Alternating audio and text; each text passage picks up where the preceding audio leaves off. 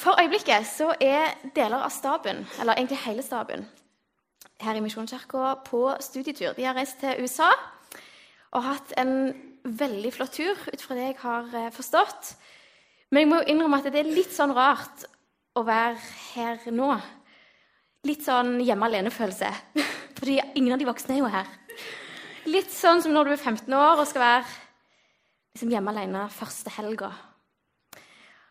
Jeg må innrømme at jeg har fundert litt på tanken om jeg kanskje skulle funnet på noe gøy på deres bekostning når de var borte. Um, kanskje ikke så strategisk å annonsere det på kveldsmøtet i så fall, så jeg tror bare jeg nøyer meg med tanken. Men jeg må si jeg, jeg gleder meg veldig til i kveld, altså. Um, når jeg har drevet forberedt dette og, og, holdt på, så bare blir slått av hvor utrolig mye vi har å være takknemlige for, og hvor utrolig mye vi har å feire. Så jeg har rett og slett lyst å invitere dere med på en hjemme alene-fest. Jeg håper dere blir med, at dere eh, tar med dere god stemning. Eh, og gjør denne kvelden til noe kjempeflott. Noe gøy. Eh, og noe som vi kan minnes. Yes. Eh, vi kommer litt tilbake til festen etter hvert, men før det skal vi ha et lite tilbakeblikk. Vi er nå underveis i en taleserie som heter 'Velg livet'. Dette er en taleserie som går over eh, åtte søndager. Og handler om hvordan vi kan møte de utfordringene som eh, livet bringer oss. Det kan være forskjellige typer utfordringer. Det kan være eh, avhengighet, det kan være eh, uvaner, følelsesmessige sår eller andre hangups, hvis dere skjønner hva jeg mener. Det er imidlertid sånn at Som mennesker så kan vi ta noen valg som involverer Gud i livene våre, på en sånn måte at på en sånn måte at det at han er til stede, gjør at vi kan tre inn i frihet. At vi kan bli fri fra det som eh, binder oss. Og det er dette denne taleserien handler om. Og disse åtte søndagene så tar vi noen valg sammen og går litt skritt for skritt mot ny frihet. Velg livet. Det høres jo kanskje litt sånn rart ut egentlig som en tittel, for altså Livet er vel livet. Er det så mye annet å velge bortsett fra døden? Det var, det var ikke det jeg hadde tenkt å si. Det var veldig dystert. Bare stryk det. Men jo, livet er jo for så vidt livet. Men som kristne så har vi muligheten til ikke bare å leve livet, men vi kan leve livet med store, utheva bokstaver. Og en litt eh, Hva skal jeg si Flat, kanskje, men ganske nyttig sammenligning, det er hvis vi tenker på TV. Jeg vet ikke om noen av dere har sett svart-hvitt-TV? Mm, nei? Jo, OK. Bra. Dere lever. Um, Svart-hvitt-TV Altså, det, det, funker jo. Det, det, er TV, det beveger seg. Det fungerer sånn, sånn helt greit. Farge-TV, derimot, det er rett og slett en helt annen opplevelse. Det er jo TV, akkurat som svart-hvitt-TV. Så hva er forskjellen? Jo, det er opplevelsen, det er fargene. Og litt på samme måten kan vi tenke oss at det er med livet. Og det vi nå holder på med, egentlig å For å bli den metaforen gå inn i en fargerik hverdag. Og tre ut av svart-hvitt og over i farger. Den første søndagen i serien vår så snakket Frode om å velge å være ærlig. Andre søndagen så snakket Thomas om å velge å tro. Og for to søndager siden så snakket Inger om å velge å overgi seg. I dag er det min tur til å snakke om det fjerde valget. Og det fjerde valget er velg å gjøre opp. Før vi går videre, så har jeg lyst til at vi skal be sammen. Herre, jeg takker deg for at du har kalt oss til å leve et liv i farger. Et liv som reflekterer hvem du er, og hvem vi er skapt til å være. Jeg ber om at du må tale til hjertene våre. At du må gjøre oss lydhøre for deg. Jeg ber om at du må hjelpe oss i gang med dette som er et avgjørende viktig og livsforvandlende valg mot frihet i deg. Bare ditt hellige navn, Jesus. Amen. Yes. Nå er jeg klar. Eh, før vi går videre, så er det veldig viktig for meg at vi har et felles utgangspunkt for dette som vi snakker om. For eh, det vi skal snakke om i dag, er litt vanskelig. Vi skal snakke om at vi som mennesker har feil, at vi har mangler. At vi er feilbarlige, rett og slett. Og det kan være lett å havne i, i forsvarsposisjon og egentlig bare stenge av litt. Og nettopp Derfor er det viktig at vi har en felles forståelse av hva Bibelen sier at det er å være menneske. Vi vet alle at som mennesker så kan vi si, gjøre og tenke dumme ting som blir feil i forhold til Gud, som blir feil i forhold til andre mennesker. Um, og dette er òg noe som vi um, finner igjen i det som Bibelen sier om oss som mennesker. Bibelen forteller oss nemlig at vi alle er syndere, og at vi stiller i samme båt på dette området. I Romerne 3,23 så står det alle har syndet og mangler Guds herlighet. Det er ganske harde ord. Det slår deg eh, godt rett i magen. Um, men det setter en utrolig effektiv stopper for noe som vi er veldig flinke til, nemlig gradering. Her er det bare én kategori. Hvis vi måler oss etter Guds standard, så kommer vi alle til kort. Og det er akkurat det synd handler om. At vi kommer til kort i forhold til de idealene som, som Gud ønsker for oss, og som han eh, har meint oss for. Og at vi kommer til kort i forhold til de idealene som vi har innebygd i oss. Vi strekker ikke til sånn som vi er. På den andre sida forteller Bibelen oss at mennesket er skapt til noe mer enn bare det. Vi er meint for storhet. Og i Salme 8,6 så står det det om Gud at han sa Eller det står om Gud at han satte ham, det vil si eh, mennesket. Hvis du tar ett tilbake, Morten Er det nå nokså mange tilbake? Ett, Der. Han satte ham lite lavere enn Gud og kronet ham med herlighet og ære. Du gjorde ham til herre over dine henders verk. Alt la du under hans føtter. Mennesket har helt fra begynnelsen av hatt en spesiell posisjon i skaperverket. Og jeg tror veldig mange av oss skjønner og enser når vi leser bibelvers som dette, at det, vi er meint for mer enn det vi ser rundt oss. Vi er skapt for storhet, rett og slett. Så der har en da Bibelen sitt menneskebilde veldig kort oppsummert med to ytterpunkter som kanskje kan framstå som motsetninger, men som det er veldig viktig at vi får ført sammen for at vi skal få et sant bilde av hva det vil si å være menneske.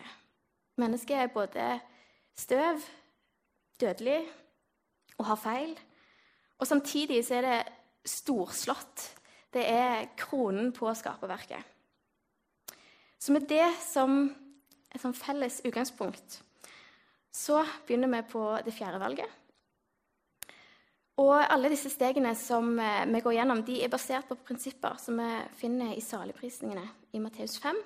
Og i dag så tar vi utgangspunkt i vers 8. Salige er de rene av hjerte, for de skal se Gud. Logikken er egentlig ganske enkel. Salig eller lykkelig eller velsigna, det er andre ord som vi kan bruke på det, er de som ser Gud. De som ser Gud, er salige. Og de som ser Gud, det er de som har et rent hjerte. Og Vi kan òg lese om det i Salme 32, 2.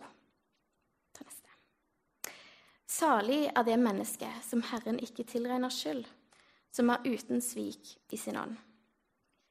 En av nøklene for å leve et salig, lykkelig og velsigna liv, det er altså å være uten skyld og uten synd. hvis du har et aldri så lite snev av sjølinnsikt, og hvis vi kombinerer det med det som Bibelen sier, så um, går det ganske enkelt egentlig å legge to og to sammen og se at dette, dette er et problem. I oss sjøl har vi ikke muligheten til å leve dette livet som, eh, som Gud har ment oss for. Denne storheten som jeg nevnte. Så da blir det på mange måter stående igjen med på den ene sida et fint prinsipp, og på den andre sida et dyptgripende og smertefullt problem når en blir klar over at jeg har ei skyggeside. Og det avgjørende spørsmålet det blir da hva gjør jeg med dette problemet? Hva gjør jeg med min skyld og med min skyldfølelse? Som mennesker så har vi veldig mye til felles. Og blant disse tingene så er våre naturlige reaksjoner på situasjoner hvor vi føler oss pressa, hvor vi blir flaue, eller hvor vi føler oss avslørt. Jeg er nå i den heldige situasjonen at jeg får jobbe i barnehage noen måneder. Og når jeg skrev dette avsnittet om eh, våre naturlige reaksjoner, eh, så slo det meg at dette kjenner jeg veldig igjen fra min arbeidshverdag. Dette er våre overlevelsesmekanismer som vi begynner med veldig tidlig når vi kjenner på ubehaget med at det er et eller annet som ikke er helt som det skal. Det kommer av seg sjøl, og Mekanismene er på mange måter de samme senere i livet som de er på barnehagestadiet. De får bare litt si, mer sofistikerte uttrykk. Det første reaksjonsmønsteret er å benekte vår synd. Benekte at det har skjedd, bare liksom lukke det helt ute og prøve på mange måter å slette det fra arkivet med å egentlig late som det ikke har skjedd i det hele tatt. Um, det er en ganske dårlig strategi. Det funker dårlig i forhold til mennesker rundt deg. og um, En møter fort seg sjøl i døra. Um, da går en kanskje over i andre reaksjonsmønster. og Et av de kan være å bagatellisere synden. En kan si at ja, men alle andre gjør det jo. Det er vel ikke så farlig. Tiden leger alle sår. Det går seg nok til etter hvert. Og så videre og så videre. En tredje strategi det kan være å bortforklare synden vår. Jeg vet ikke om, om dere har vært eh, borti de, men det fins bøker hvor eh, en har samla skademeldinger fra forsikringsbransjen. Hvor folk som f.eks. har vært i bilulykker og sånne ting, eller biluhell og sånne ting, har, har, sendt inn sine skademeldinger. Og eh, der er det ganske mye festlige bortforklaringer. Blant annet er det en kar som forklarte det at eh, den andre bilisten kolliderte med meg uten å signalisere at det var det han hadde tenkt å gjøre. Ellers er det en annen som sa det at eh, fyren løp sikksakk over hele veien. Jeg måtte foreta flere krappe svinger før jeg traff ham. Og det er jo festlig. Det er grunn til at vi lager bøker av sånne ting. Men jeg undres eh, om ikke en del av mine bortforklaringer hadde hørtes like latterlige ut hvis jeg hadde skrevet dem ned, eller hvis jeg skulle sagt dem høyt. Er, eh, ja, det er noe som sitter dypt i oss. Andre ganger så kan vi bebreide andre for eh, synden vår. Det er òg noe som jeg kjenner veldig igjen fra barnehagen. Det var han som begynte. Et eh, evig refreng. Og vi er rett og slett veldig veldig flinke til å bebreide andre. Vi ser det allerede i Edens hage. Adam og Eva har spist av det ene treet som de ikke fikk lov å spise av. Og Gud kommer for å lete etter dem, og når han spør Adam hva som har skjedd, jo, da sier Adam at den dama som du ga meg, lurte meg. For første så skylder han jo på Eva, som lurte på han. Lurte han. Eh, og implisitt så sier han jo òg at det er Guds skyld. For eh, det var jo den dama som Gud hadde gitt han, som lurte han. Og altså, Adam kan jo ikke ta ansvar for at Gud ga han feil kone. Eva i sin tur hun skylder jo på slangen. Og sånn holder vi det gående. Selv med alle disse mekanismene som eh, vi møter dette ubehaget med, så kommer vi ikke unna den fortvilelsen og kanskje oppgittheten over at jeg har ikke Guds side. Jeg har ting med meg og med livet mitt som jeg ikke vil at andre skal se, og som jeg ikke vil at andre skal vite om. Å kjenne på skyld det er ingen god opplevelse. Og det i seg sjøl er jo grunn nok til at en skulle ønske å gjøre noe med det.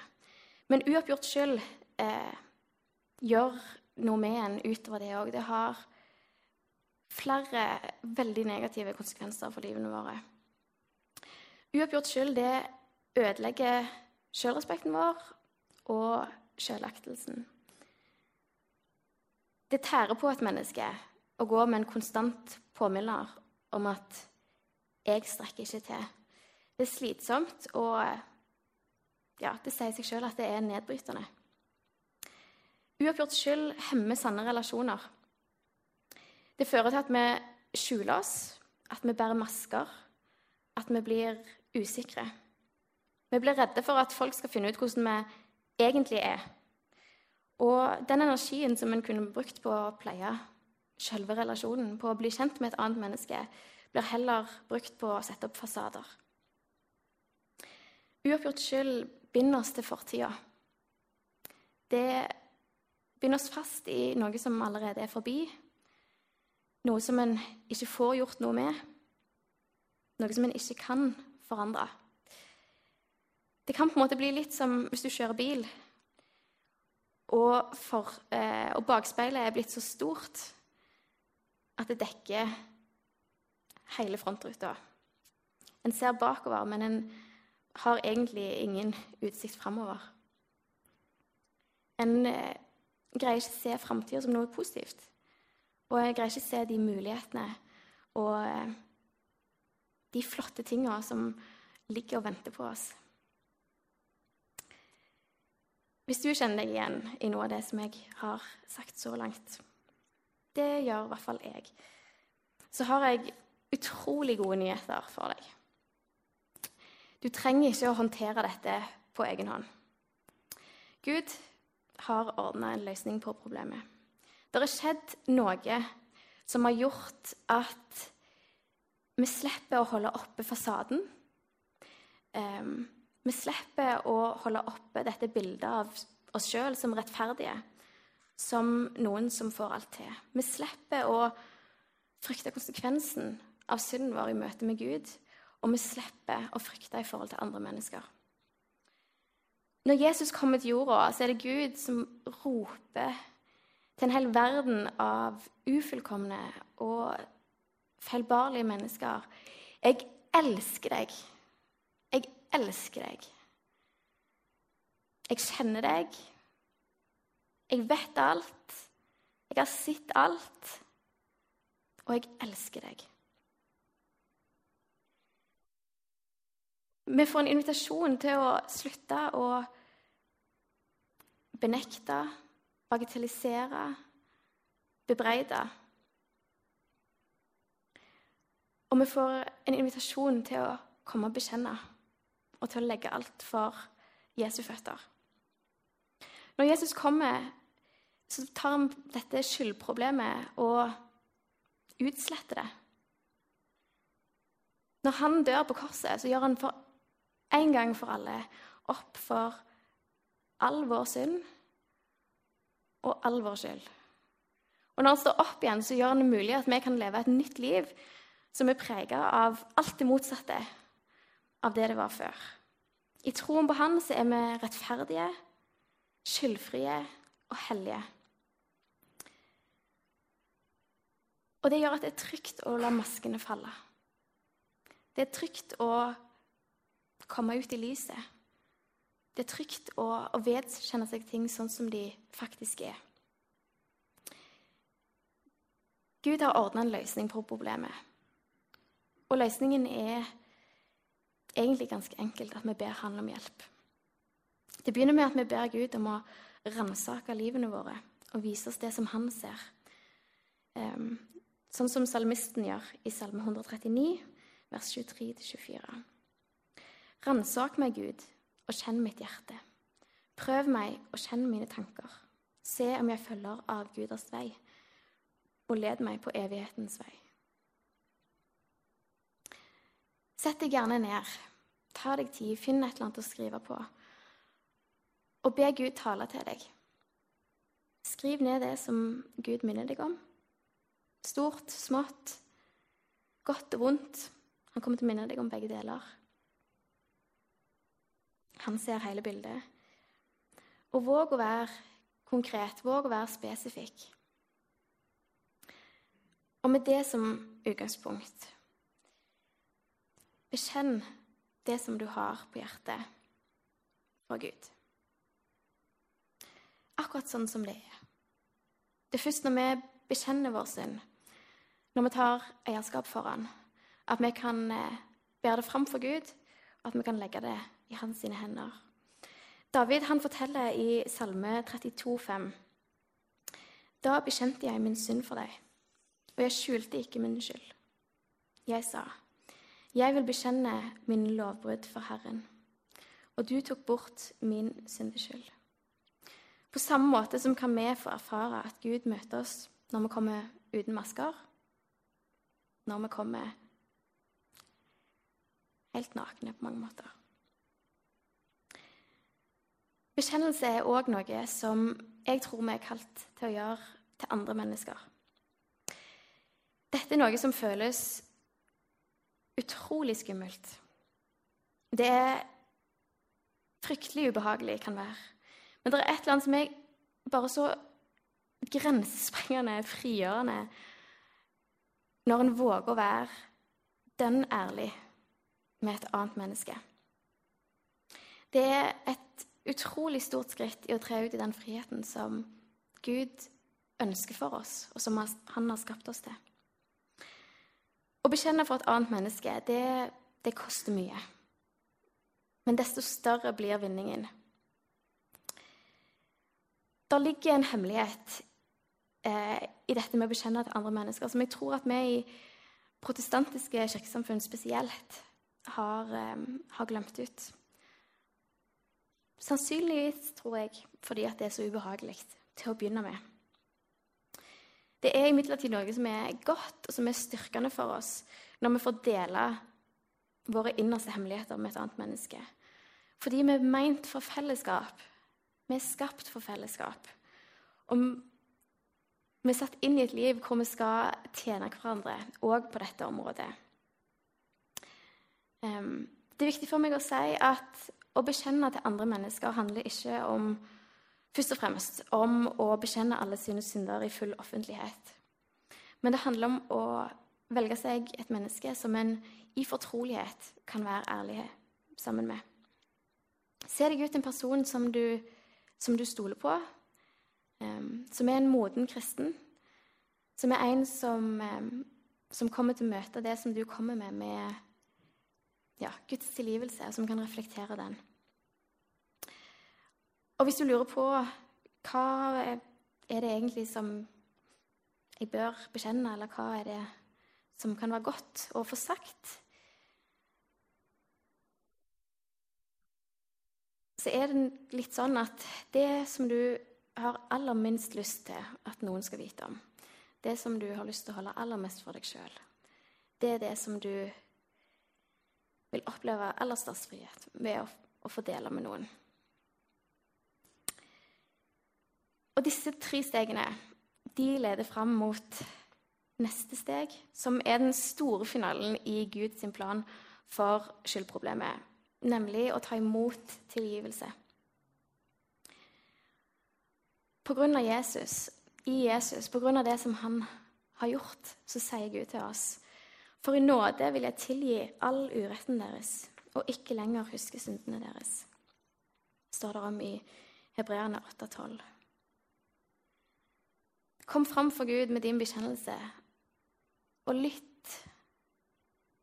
Lytt til de ordene som han kommer med. Lytt til hans tilgivelse. Lytt til din fortroliges ord etter at du har sagt det som du har på hjertet, når han eller hun tilsier syndenes forlatelse i Jesu navn. Be Gud om å vise deg denne saligheten og lykken og velsignelsen som det er å kunne stå framfor Han med et helt og rent hjerte. Og skriv det bak øret at eh, som mennesker så har vi to ører og én munn. Pass på at du hører nok, at det ikke blir en eh, monolog, men at eh, ja, utvekslingen går begge veier. Som dere husker fra de forrige søndagene, så har hvert av disse stegene som vi har gått gjennom, sin egen setning, som oppsummerer det valget som vi har gått gjennom. Og sånn er det òg i dag. Um, og det valget som vi avslutter med, det er egentlig et valg om å tre inn i Guds løsning på vårt problem. Jeg velger å åpent granske og innrømme mine feil. For meg selv, Gud og et annet menneske. Mm. I dag er vi så heldige at vi skal feire nattverd nå litt seinere. Og det er med det i tanken at jeg har invitert dere på hjemme alene-fest. For nattverden, det er virkelig en feiring. Hva kan være mer verdt å feire? At det som er Eller det som var umulig, det problemet som vi alle hadde, men som ingen hadde noen løsning på, ikke fins lenger.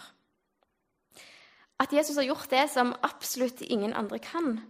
Og han har gjort i stand et liv til oss hvor vi får lov å leve i frihet, og hvor overskriften over våre liv kan være 'elska, tilgitt og akseptert'. Det syns jeg er grunn for å feire. Og det er en grunn for at vi sier at vi feirer nattverd. Um, så når vi nå skal feire nattverd um, Bruk litt tid før du um, kommer fram. Be Gud om å ransake ditt hjerte. Og lytt til det som han eh, har å si. Og, og la nattverden være eh, din respons. Både som en bekjennelse, men òg som en måte å helt fysisk og håndfast få ta imot Guds tilgivelse for det som du bærer for. Våg å la nattverden bli din feiring. Din feiring av at du har fått et nytt liv. Dine synder er borte. Og at du har en mulighet til å leve livet med stor L. At du har en vei som står åpen. Ei dør som står åpen inn i frihet skal vi be sammen. Herre, jeg ber om at du må, at du må tale til den enkelte. Jeg ber om at du må minne oss om de områdene hvor du ønsker å sette oss i frihet. Jesus, hjelp oss å være ekte med deg, og vis oss det mennesket som vi kan være 100% ekte sammen med. Jesus, jeg ber om at du må hjelpe oss til å ta dette valget. Og til å ta disse, disse utfordringene på alvor. Og Herre, jeg bare ber om at det, dette må bli begynnelsen på en ny tidsepoke, en ny æra for oss som enkeltmennesker og som forsamling. En tid som bare er gjennomsyra og prega helt til det innerste av en ny utøvelse av, eh, av din nåde og av din kjærlighet.